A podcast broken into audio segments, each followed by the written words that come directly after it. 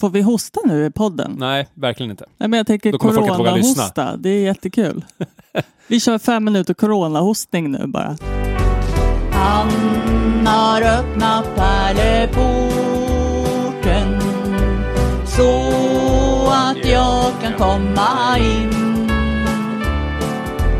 Genom blodet har han frälst mig och bevarat mig Välkommen till avsnitt 14 av eh, Pärleporten. Porten. Varje gång! Pärleporten. Det är därför jag ofta får göra påan, för att du får någon form av läspsituation. Kommer du ihåg när man kunde gå hos läspfröken som det hette när man gick i skolan? Det hette ju säkert så talpedagog eller någonting, men alla Ja. kallade det för läspfröken. Då fick man gå dit och så fick man säga portmonnä. Då kunde Ja, man säga portmonnä. då Ja. var man läspfri. Men sa man portmonnä, lite som du säger Pärleputten podcast, Pärleporten. då var man läspkompatibel. Men läspa, det är väl ändå eh, ett S-problem? Läspa? Aha. Inte ett pott? Det hänger port. ihop. Gör det? Ja, R och S. Annars skulle ju inte läspfröken bett oss att säga portmonnä. Ja, men det förstår jag. Eh, däremot så tyckte jag att det var ologiskt att hon bad er säga portmonnä och inte någonting med ord, eh, bokstaven S. Det var ju förmodligen där också. Ja, ja, ja. Det var flera ord alltså. Sen kan man på något sätt tänka, det här är en gammal spaning, jag tror att det var Fredrik Lindström som skojade om det, men att, att just att ordet läspa stavas, Ja, stavas med med S. Det är helt galet. Han har, jag tror att det finns på Spotify, hans gamla ståupprutiner för kanske 20 år sedan, och då pratar han om det, men också om ordet dyslexi. Jag vet. Det är så här, vad har du för någonting? Nej, jag, kan- jag kan varken uttala eller stava till det, det är så himla elakt. Penalistiskt. Eh, ja, men det är om det kanske. Ja. Har du en relation till 14? Eh, nej. Det känns som att efter eh, siffran 13 så svalnar mina relationer med siffror. 14, då tänker jag ju på åldern 14 och hur det var att vara 14. Och att det kanske inte var speciellt roligt alla gånger.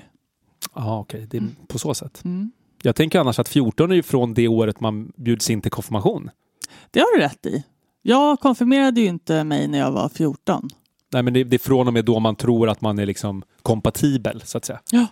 Och sen kan man ju bli konfirmerad när som helst i Mm. ålder efter det. Men just där och då, när man går i åttan, det året man är 14 och ska fylla 15, det är då ofta konfirmationen äger rum, så att säga. Mm, mm, mm, mm, mm, mm. Så eh, till dig där ute, har du missat din konfirmation så eh, kan Nadja styra upp någon form av vuxengrupp.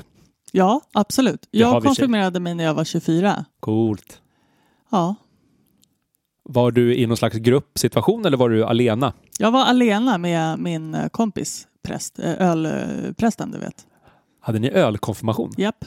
Men var det kopplat till själva konfirmationstillfällena så att säga? Eller Nej. var det var väl att ni ändå Nej, var kompisar? Det var att vi var kompisar. Just det. Ja, men det är ju någonting annat. Ja. Det som sker utanför konfirmationens Precis. väggar, det är ju vad det är. Ja. För den som är myndig att dricka så att säga. Precis. Vi uppmuntrar ju inte till någon form av dricka innan äktenskapet, eller säga. Nej, det är inte det heller kanske.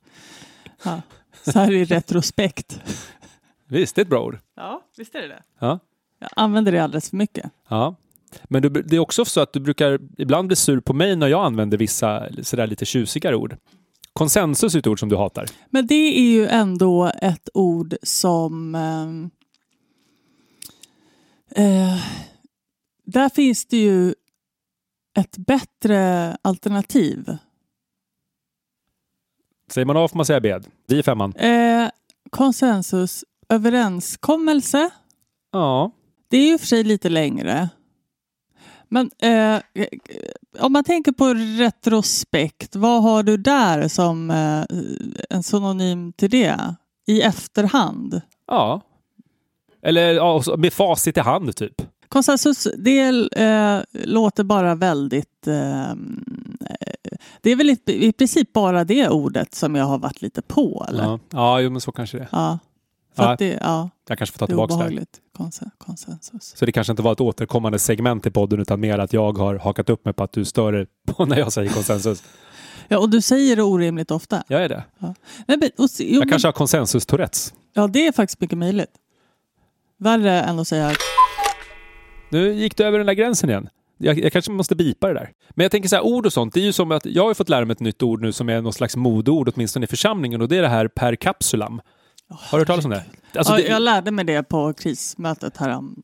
dagarna. Jag tror också att vissa är väldigt förtjusta att säga det. Jag satt i våran eh, kaffesoffa här i förrgår när det satt några som pratade om ett så här, kyrkorådsmöte, alltså de politiker vi har. Och då nämnde han per capsulam kanske 22 gånger, och nu Ja. överdriver jag inte. Mm. För att det också är lite fint att säga det. Och jag, vill säga, jag, jag anade ju liksom i vilket sammanhang det användes, men kunde inte exakt veta, så jag var tvungen att killgoogla sådär för att Ja. ta reda på vad det var. Eh, Och det betyder att man på något sätt eh, skickar ett beslut genom en kapsel, det är därifrån det kommer. Mm. På, alltså förr i tiden när man eh, kanske inte hade alla e-postmöjligheter. Men nu gör man det via den moderna tekniken, men man använder fortfarande det gamla begreppet så att säga. Nu betyder det på mail. Ja, eller vilket forum man nu använder. Ja. Så. Men så att eh, fundera på det per Mm. kapsulam. Så Per kapsula. varje gång du hör det så skänker vi en krona till diakonin i Nacka församling. Ja. Så eh, skicka in på vår Facebook-sida hur många gånger du har hört det. Så Jaha. på riktigt så skänker vi en krona för varje. Mm. Skicka ett mail kanske. kan du också göra. Vi tar det per kapsulam. Ja. Snyggt. Ja. Ja, men apropå ord som eh, kanske används i vår tid. Corona, Ja. klingar bekant? Jag är, är väl eh, bekant med ordet corona. Inte med corona. Inte med corona. Nej. Kan det vara så här att folk som ändå har knäppt på den här podden nu sitter och tänker gud vad skönt att de för en gångs skull är de enda som kanske inte pratar om corona och helt plötsligt nu så börjar vi prata om corona. Eh, ja, det eh, är en risk. Men där känner jag också att eh, vi försöker ju vara en podd i tiden. Och det enda som det pratas om just nu är coronaviruset. Men då gör vi så här att eh, till dig som är trött på corona, eh, du kan hoppa till minut nummer 30, 3 i den här podden. Så fortsätter vi där. Skitbra. Men corona, Ja. vad, vad vill du börja? Eh, har du, hur känns det? Har du haft corona? Frågar du mig? Ja. Nej, inte vad jag vet. Nej, han andra här. Nej, men jag tror du kanske pratar med lyssnaren. Nej, jag eh, frågar dig. Ja, nej men eh, när vi kom hem från den här sportlovsresan då satt jag och var ganska hostig på bussen. Men det här var ju liksom i slutet av februari eh, och då här var jag på väg från fjällen så jag tror inte att corona hade nått dit då. Nej. Plus att jag var hostig i två dagar och sen så bra. Mm. Och ingen feber eller någonting. Sen så blir man ju lite sådär att ibland så känner man ju symptom fast de inte finns. Det är som när någon säger så här, jag har löss. Ja, det börjar klia överallt. Ja, det vet jag inte hur ofta folk säger det, men du fattar grejen. Det, det kliar ju bara nu när jag, när jag tänker på löss. Det är ju obehagligt. Eller när någon berättar så att de har haft insekter i skafferiet eller någonting. Då kliar det på konstigt sätt. Eller när man säger att man har ätit citron. Känner du? Nej, Ja, okej. är det, här, är det här en grej? Ja, men folk brukar börja salivera lite då. För att eh, det blir en... Eh, eh, Salivera, det kan inte vara ett riktigt ord. jo, Nej. jo, det är det. Salivera. Det låter ju spanskt. Salivera. Hej då, jag bor här i Salivera. Det betyder alltså att man får saliv, som när vi pratar om olika hundtungor i öronen Ja, och jag, precis. är nära på att kräkas. Då Ja. saliverar man. Ja, då saliverar ja, Alltså det är ju eh, Pavlovs eh, faktiskt hundundersökning då. Eh, pratar om den här klassiska betingningen. Och citron är en sån klassisk betingning. Att när vi äter sura saker så drar det ihop sig i munnen när man börjar salivera. Det är intressant. Mm. Ja, men det är ju så. Vi, vi befinner oss ju i en dystopisk tid. Så är det ju. Mm. Det är ju väldigt märkligt på många sätt. Mm. Och det här är ju inte någon ny spaning, men så är det. Mm. Men vi kanske kan tänka utifrån de liksom andliga konnotationer. Eh, finns det någon religionsaspekt i det hela perspektivet? Alltså vi har ju tagit upp apokalypsen lite kort. Och den är fortfarande väldigt aktuell känner jag. Eh, jag har faktiskt kollat upp lite olika konspirationsteorier inför eh, dagens podd. Låt höra. Eh, den, ska jag börja med den roligaste? Ja, men det, det låter bra. Ja, den absolut roligaste är att eh, det, det går runt något slags rykte om att kokain botar corona. det är väldigt roligt. Källa någon slags colombiansk knarkkartell. Eh, sen har vi... ehm, här, den här är kul också.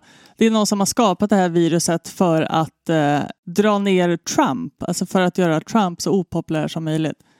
Oj, Och det här är ju roligt för att den här personen då måste ha antagit att Trump inte skulle klara en sån här kris. Det är ingen högoddsare kanske. Nej, precis. Eh, en annan är ju att USA och Bill Gates har skapat det här viruset eh, för att kunna sälja ett vaccin då som de redan har. Bill Gates av alla. Ja, väldigt orimligt alltså. Det kommer från någon slags fake-brev. Han är väl ändå någon slags IT-Jesus, Bill Gates? Ja, och är väldigt eh, sådär välgörenhetskompatibel. Ja, men det är det jag menar. Ja. Han, skänk, han var väl den som sa till sina barn att ni får nöja er med en liten slant. Jag skänker resten till välgörenhet. Liksom. Exakt. På ett härligt sätt. Så han är ju...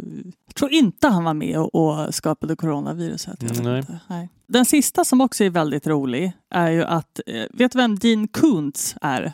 Nej. Han är författare eh, och har skrivit extremt många böcker. Deckarböcker. Alltså det är på liksom Stephen King åt det hållet. Sådär i antal böcker. Han Lite som Beck-filmer typ. Exakt. Det kommer exakt. en varje kvart. Ja. Han skrev en bok 1981 som hette The Eye of Darkness.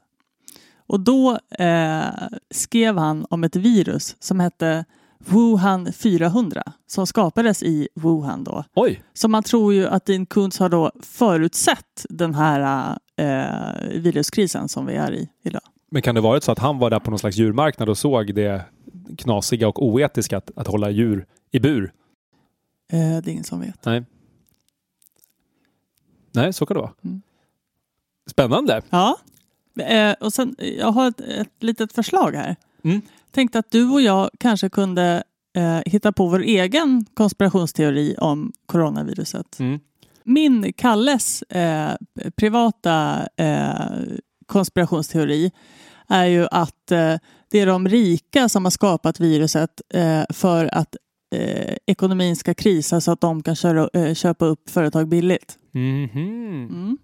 Ja, det är ju verkligen en... Det är på James Bond-nivå då. Jamais. Hans franska kusin. Ja, Jamais Bond. Det, det skulle inte riktigt funka om han var fransk, eller? Je m'appelle Bond. James James. Bond. James Bond. Jamais Bond. Nej, inte riktigt kanske. Det är lite på samma sätt som när eh, Eddie Izzard skämtar om att eh, eh, liksom de olika jedisen och även Sith-lorderna i Star Wars, det hade inte funkat, funkat om de hade pratat brittiska engelska. Nej, Det är därför liksom eh, alla de här eh, som jobbar på olika dödsstjärnor, de pratar brittiska engelska. The rebels are here, sir. Det hade inte funkat om Darth Vader till exempel då hade Nej. varit det. The force is strong with you, Luke. Oh, how strong? Like a small pony. Oh, that's pretty strong.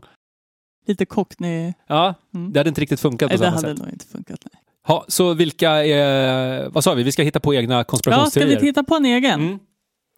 Med någon biblisk aspekt också eller? Jag tänker också det. Mm. Eh, Förra gången pratade vi också om det här att olika eh, lite eh, sekter tror att ehm, det här är ett tecken på att Jesus är på väg tillbaka. Mm. Men det låter ju ändå lite härligt, om det nu är så. Att Jesus är på väg tillbaka. Absolut. Problemet är att de också tror att eh, inte alla är på. Liksom. Alla Mm. får inte följa med. Ja, det är ju, Homosexuella får inte följa med. Till exempel. just det, för då kan man dra parallellen. Det var väl någon amerikansk eh, tokig pastor under tsunamikrisen som då hävdade att, att eh, Sverige hade blivit hårt drabbat på grund av att vi har så många homosexuella i Sverige. Var det inte något sånt? Ja, ja, precis. Där. Mm. den, Exakt. ena, den ena tokigare än den Ja, andra. Ja, så att ja. säga. Och, och, och då blir det många tänker ändå på något sätt att det kanske är Guds straff då. ja. Och där kan man ju tänka en teori. Mm. Jag kan ju tänka en, en teori som inte är liksom kanske så konspiratorisk utan mer att det kanske hänger ihop. Och det är ju om man vill tänka utifrån miljöaspekten. Mm. Att eh, det här kanske ändå är en, liksom, nu, nu får ni den, den sista varningen utifrån hur vi människor lever våra liv så att säga. Att nu har det varit liksom skogsbrand efter skogsbrand, översvämningar, tokigt klimat, varmare än någonsin, allting, men det är ändå business as usual. Och sen kanske ytterligare kommer, ja men här, det är först nu som liksom flygen står stilla, industrin står stilla och så visar det sig att naturen har aldrig mått bättre som en konsekvens av den här krisen. Så samtidigt som våran då tillväxt är på minus, liksom den ekonomiska aspekten, så mår naturen bättre. Eh, Och det här är kanske enda gången i modern tid som liksom jorden får andas lite. Och det är ju på något sätt tråkigt att det är det här som krävs för att vi ska märka vilken ändå inverkan vi har, eller åverkan snarare, Mm. på, moder natur. Så det är kanske är konspiration mellan moder jord och fader vår. Tänker du då att eh, det, det är Gud eh, eller någon slags kraft som har skapat det här lite halvmedvetet? Typ Moder Jord som går och bara, nej, nu är det kört. Nu måste jag fixa en lösning på det här. Och så skickar eh, någonting, det här viruset. Eller är det liksom a series of unfortunate events på något sätt? Ja, nej, men för jag tror ju inte att Gud har någon liksom reell makt. För att Gud tror jag inte kan vara både liksom allsmäktig, det vill säga ha all makt och samtidigt vara god. För det funkar ju inte, för att då blir ju Gud också selektiv. Det här är ju ja, en klassisk spaning så att säga. Mm. Men Gud har däremot, tror jag, varit med och skapat Moder Jord och liksom världen. Men Moder Jord har ju också en egen vilja och en egen själ, tror jag. Så att eh, jag tänker också att jorden kommer ju finnas kvar. Även om vi människor s- sjabblar bort oss själva så kommer jorden inte ta mer stryk än att den kan återhämta sig. Men det här är nog kanske i så fall ett sätt att Moder Jord säger men ni får en chans till. Vill ni vara kvar så måste ni faktiskt bättra er ordentligt utifrån alla Greta-aspekter och så vidare. För att nu är det ju liksom Greta-evangeliet som på något sätt blir verklighet. Att det här är det sämsta för mänskligheten men kanske bästa för miljön, klimatet, jorden så att säga. Låter det provokativt att säga det? Eh, ja och nej. Vi skulle ändå tänka lite konspiratoriskt här, det var ju uppgiften. Ja, det, här- så det här är nog... eh, Jag tror att du har klarat av uppgiften galant. Hyggligt. Men det jag undrar bara är, tänker du att Moder Jord då har ett medvetande? Eller tänker du att Gud har ett medvetande? Alltså Gud har ju verkligen ett medvetande. Men Gud har inte den påverkansmakten mer än att Gud vill det goda med oss. Men Gud trycker inte på en knapp som att nu skapar en gammal fladdermus i Wuhan ett virus som sprider sig. Utan det är kanske som en konsekvens som Moder Jord reagerar på vårt handlande så som vi har behandlat henne. Mm. Och behandlar man inte Moder Jord med kärlek och respekt så till slut åker man på en snyting. Mm. Och nu har vi fått snyting efter snyting efter snyting men vi har ju bevisligen inte reagerat mer än att det här kommer lösa sig organiskt för att marknaden kommer i sin tur ordna det här på sikt. Mm. Men när vi kanske inte klarar av det för att vi är ju i grunden lite halvpuckade Ja, ja. om än att vi kanske vill det goda. Mm. Men vi vill ju inte göra avkall på våra, våra liksom tillgångar och våra liv om det sker till att vi måste göra så stora förändringar. Mm. Vilka vill ha förändring? Alla ropar ja. Vem vill förändras? Och då är det tyst. Ingen ja. Nej. Ja, nej, men så är det ju verkligen. Ingen är ju beredd att eh, förändra sitt liv. Folk är väl beredda, men kanske inte i den mån som krävs.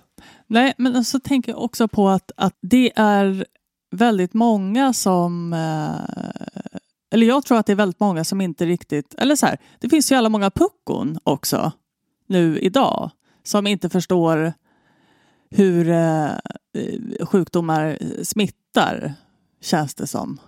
Och som går runt och hostar utan att hålla för munnen och sådär. Um, så även, även nu är ju folk inte riktigt beredda att förändras. Förstår du hur jag tänker? Absolut. Men det är väl också att det sitter djupt i den svenska folksjälen på något sätt. Att även om man är lite krasslig så går man till jobbet.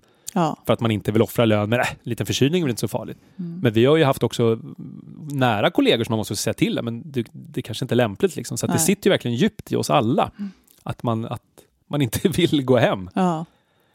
Ehm, Det, är det är det är sorgligt, tycker jag. Att den här, man alltid ska ha dåligt samvete för att man är sjuk. Men det är också någonting fint att det ändå läggs en del ansvar på oss. Att vi måste också ta det här ansvaret. Så att vi kanske inte behöver samma förordningar som andra länder utan att vi får ändå liksom möjligheten att vara med och påverka lite som jag tror också Gud vill att vi ska göra det goda. Vi får den valmöjligheten. Och förhoppningsvis så klarar vi ändå av det. Jo, men en parallell till det här apropå knasbollar och coronavirus. Jag googlade ju på, på olika kyrkaspekter utav corona.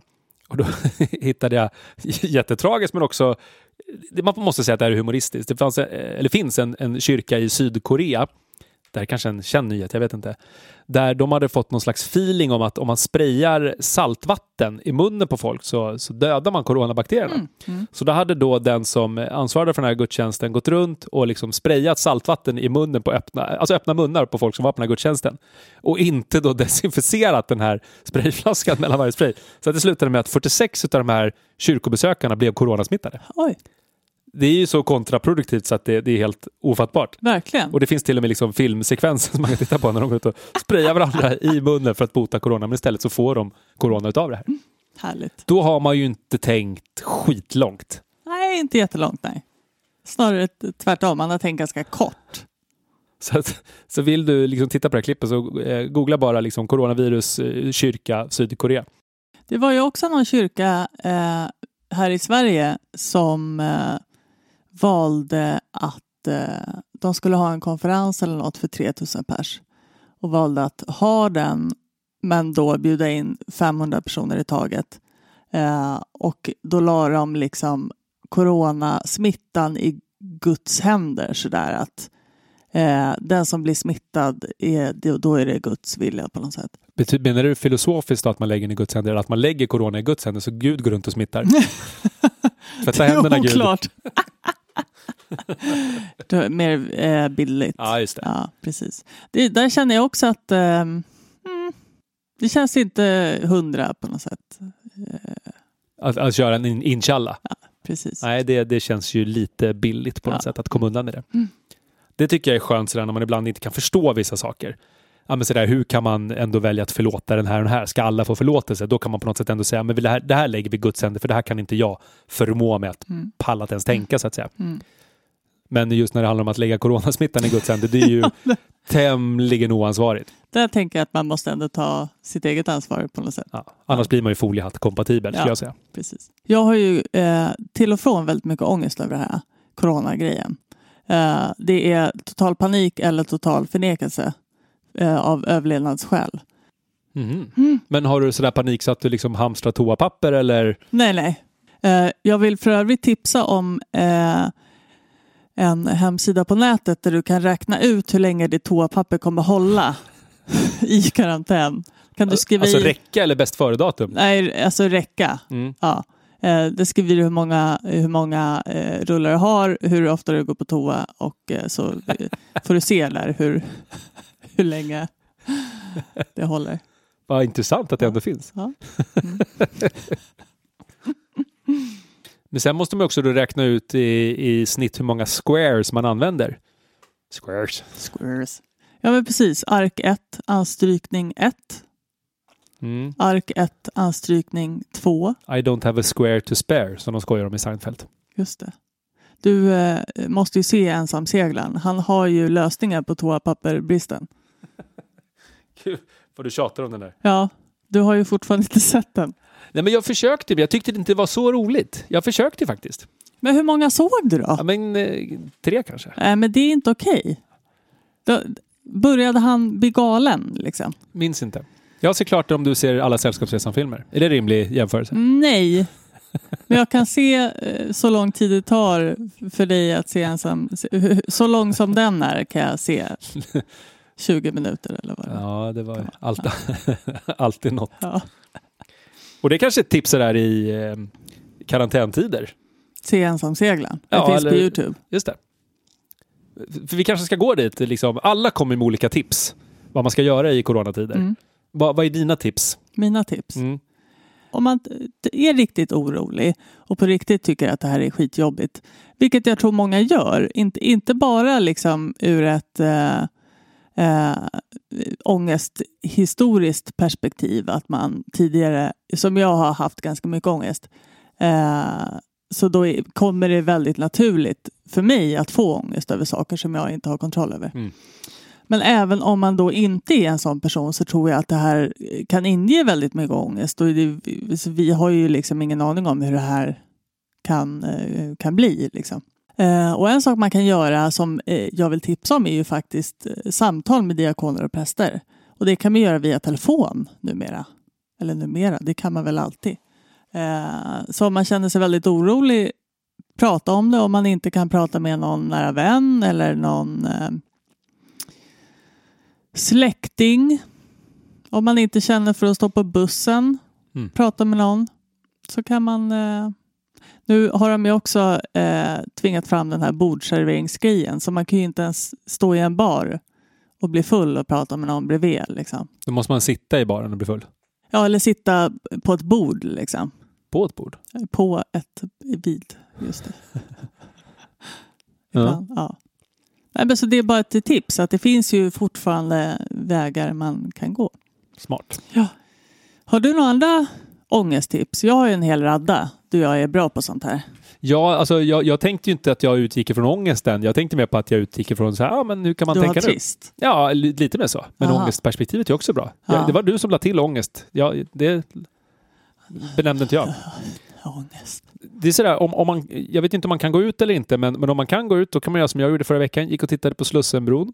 Ja, just det. Ja, då dödade jag ju 20 minuter där. Ja, Det var märkligt ändå. vad märkligt. Jag var uppe på Katarinahissen äh, ovanför Lallerstedts äh, gondolrestaurangen där Mm. och tittade ut. Eh, det är ju ett märkligt inslag. Mm. Det är ändå någon som har tänkt att den här kommer passa skitbra här. Men eh, det, är ju onekligen att det händer någonting. Det skapar ju någon form av känsla. Mm. Eh, och det andra är att jag är också lite sorgsen över att jag precis har sett klart säsong 10 av Curb Your Enthusiasm. Mm. Alltså fasen vad kul det är. Hela plotten den säsong 10, det är alltså han som har skapat Seinfeld, Mm. Larry David, som är, sig själv typ. Och det är superdråpligt, det är ganska gubbigt. Men om man eh, ändå är medveten om att det är gubbigt så är det, det är obekvämt men jäkligt roligt. Han skapar ju någon form av spite store. Han, han har en beef sen tidigare säsonger med en snubbe som heter Maka Joe, alltså mocka, alltså kaffe. Mm. Eh, och han så sur på honom att han serverar så dåliga scones så att han köper eller hyr lokalen precis bredvid för att öppna en Spite Store, alltså hans hämndcafé. Så att han öppnar Latte Larrys och så får man då följa det under den här säsongen. Det är så Mm. roligt. Han, ja, kommer på så, han är arg bland annat för att kaffet är kallt och då kommer han på en anordning som håller kaffet varmt Mm. med så här batterier i botten. Väldigt roligt. Ja. Titta på den. Mm. Tips. Men sen kan man spela kort. Vi spelar Skippo hemma. ja, Det är kul. Jag vet, de flesta tycker inte det, men vi tycker att det är kul. Men nu har vi också börjat spela Hej knäckt. ja, det är kul. Vad kul det är. Det är, oj, oj, oj. Men det är ju en, en, det är ju en stress, liksom. Ja, verkligen. Ja, Men man, man släpper ju tid och rum. det gör man. Jag har en, jag har en, en serie på eh, HBO då, då. Som heter, en ny serie som heter Devs. Har du sett den? Jag har sett ett och ett halvt avsnitt. Ja, väldigt obehagligt på något sätt. Mm. Eh, någon slags eh, djup... Eh, eh, jag vet inte. Det är ingen feel serie kan man ju Det är säga. ingen feelgood-serie. Nej. Eh, men där... eh, Nu, nu kommer jag säga en grej som dyker upp i andra avsnittet. Kanske till och med första, i slutet på första. Jag får inte säga det, eller hur? Då blir det som en spoiler för dig. Alltså, jag har ju sett hela första avsnittet och halva andra. Jag somnade i andra. Ja. Men testa. Jag tänker på Jesus. Nej? Nej, okej. Oj, vad spännande. Mm. Men den- har Jesus-perspektivet alltså? Nej, inte, jag vet inte. Nej, men, Vad var det för cliffhanger? men, ja, men det, det, det är så himla mycket spoiligt det här ifall jag berättar mer. Men okej, sp- softa ner med den spoilen då och så kan du säga om att folk ska titta på den. Ja. Eh, väldigt spännande serie helt enkelt. Eh, se den. Väldigt obehaglig. Ingen feelgood överhuvudtaget. Total misär. Apropå Och- dämpa ångest. Ja, precis. Men, och, och den är liksom inte bara o, o, den är inte obehaglig på det sättet att, att det liksom det är mycket blod eller inälvor eller typ eh, ens att det är eh, något konstigt och farligt som händer i den. Förutom olika mord. Ja, jo precis. Men det är ju någon slags så här obehaglig, lj- obehagliga ljud. Alltså hela stämningen i serien Mm. får, får en ju att svettas liksom. På, på, på det jobbiga sättet. Mm. Jag ska se klart den. Ja, gör det. Får se om någon lyssnar också kollar på den. Mm. Men apropå så här, i coronatider, och vi har ju fått ganska förändrade arbetsuppgifter på olika sätt. Mm. Eh, Som jag som jobbar med ungdomar, de flesta verksamheterna ligger ju ner och så vidare. Och nu jobbar du mycket hemifrån, men det kanske innebär att vi kan återkomma snart med ett nytt avsnitt också. Ja, Vilket känns kul, för då har vi någonting att göra i varje fall. Sen så är det upp till er om ni orkar lyssna eller inte. precis. Men eh, det, känns, eh, det känns ju kul. Men, och I dessa coronatider så vi behöver, ju, behöver vi lite hjälp också. Vad ska vi prata om? Vad vill ni höra om? Mm. Så att det inte blir ett till coronaavsnitt för att det är det enda som dyker upp på nyheterna. Liksom. Ska vi testa det? Att nästa avsnitt blir helt coronafritt. Ja, Eh, så att nu kan ju ni komma in igen, ni som valde att hoppa fram. Mm. Eh, och det vi kan säga är att vi kommer inte prata så mycket mer. Förutom att i nästa avsnitt så lovar vi att vi ska inte ens nämna corona. Om vi ens nämner corona så eh, betalar vi 50 kronor per gång vi säger det till våra diakonala arbete. mycket bra. Ja, men eh, vi, vi kanske kör igen redan om en vecka. Ja, det tycker jag. Eh, det, det vore kul. Mm, det vore jättekul. Så att eh, till dig där ute, eh, kolla på någon slags socialt media, där kanske vi gör någonting. Mm. Annars så lyssna på podden och eh, tipsa era vänner som sitter i karantän så har de åtminstone här, vad det nu blir, mellan 35 och 45 minuters medioker underhållning. Ja. Mm. Det är hyfsat hög lägstanivå, eller vad var det? TV Ja, kanal X- 6 hade det. sexan? Ja. Hyfsat hög lägstanivå. Toppen, toppen i botten brukar jag säga. Ja, men det har vi också pratat om. Ja, vi Det har bra. gjort det. Mm. Det är för övrigt en väldigt bra spellista som jag har på eh, Spotify som man kan lyssna på. Är det guilty pleasures eller? Ja, alltså det är ju... Det är en av mina eh, stora stoltheter då i livet. Jag har två grejer som jag är väldigt stolt över. Det ena är toppen och botten och det andra är att jag har varit vegetarian väldigt länge. Mm. Eh, Så eh, väldigt, eh, väldigt bra musik. Vi tar med oss det. Ja, Och så tjötar vi nästa gång då. ja det gör vi. Här på det. Här.